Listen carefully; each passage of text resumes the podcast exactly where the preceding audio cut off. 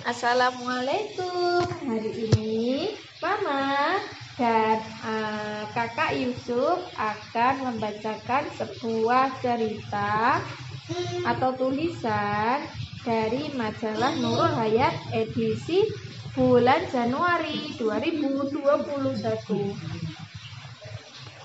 Malu oleh Evi Silvia Zubaidi. Ada salah seorang sahabat yang mengecam saudaranya dengan masalah malu. Dan dia berkata, "Sungguh malu telah merugikanmu." Kemudian Rasulullah bersabda, "Biarkan dia karena malu termasuk iman." Maknanya bahwa orang itu berhenti dari perbuatan maksiatnya karena rasa malunya. Sehingga rasa malu itu seperti iman yang mencegah antara dia dan perbuatan maksiat. Begitulah anak-anakku, zaman sudah sangat berubah. Rasa malu sudah sangat jarang ditemukan.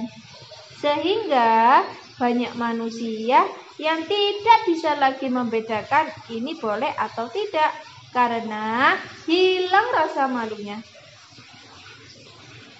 Bukankah sudah menjadi hal yang tampak wajar wanita-wanita yang menjadi santapan mata laki-laki karena penampilannya? Banyak kontes-kontes kecantikan yang mengukur setiap inci tubuh yang harus hanya terjama oleh yang berhak. Dan industri seperti ini menjadikan gaya hidup yang sangat populer. Baju-baju dengan teknik pengerjaan yang rumit, dengan harga yang luar biasa, namun tidak mampu membungkus aurat itu menjadi baju yang diperebutkan. Tak lagi bisa membedakan baik dan tidak, karena sudah tidak ada rasa malu. Anak-anakku, zaman bolehlah berubah, namun iman haruslah tetap menjadi bagian dari nafas kehidupan.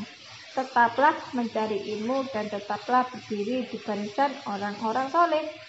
Sesungguhnya, setiap agama memiliki akhlak dan akhlak Islam adalah malu.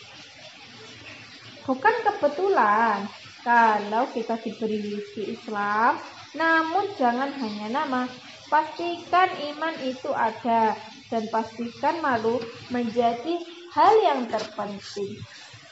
Wassalamualaikum warahmatullahi wabarakatuh.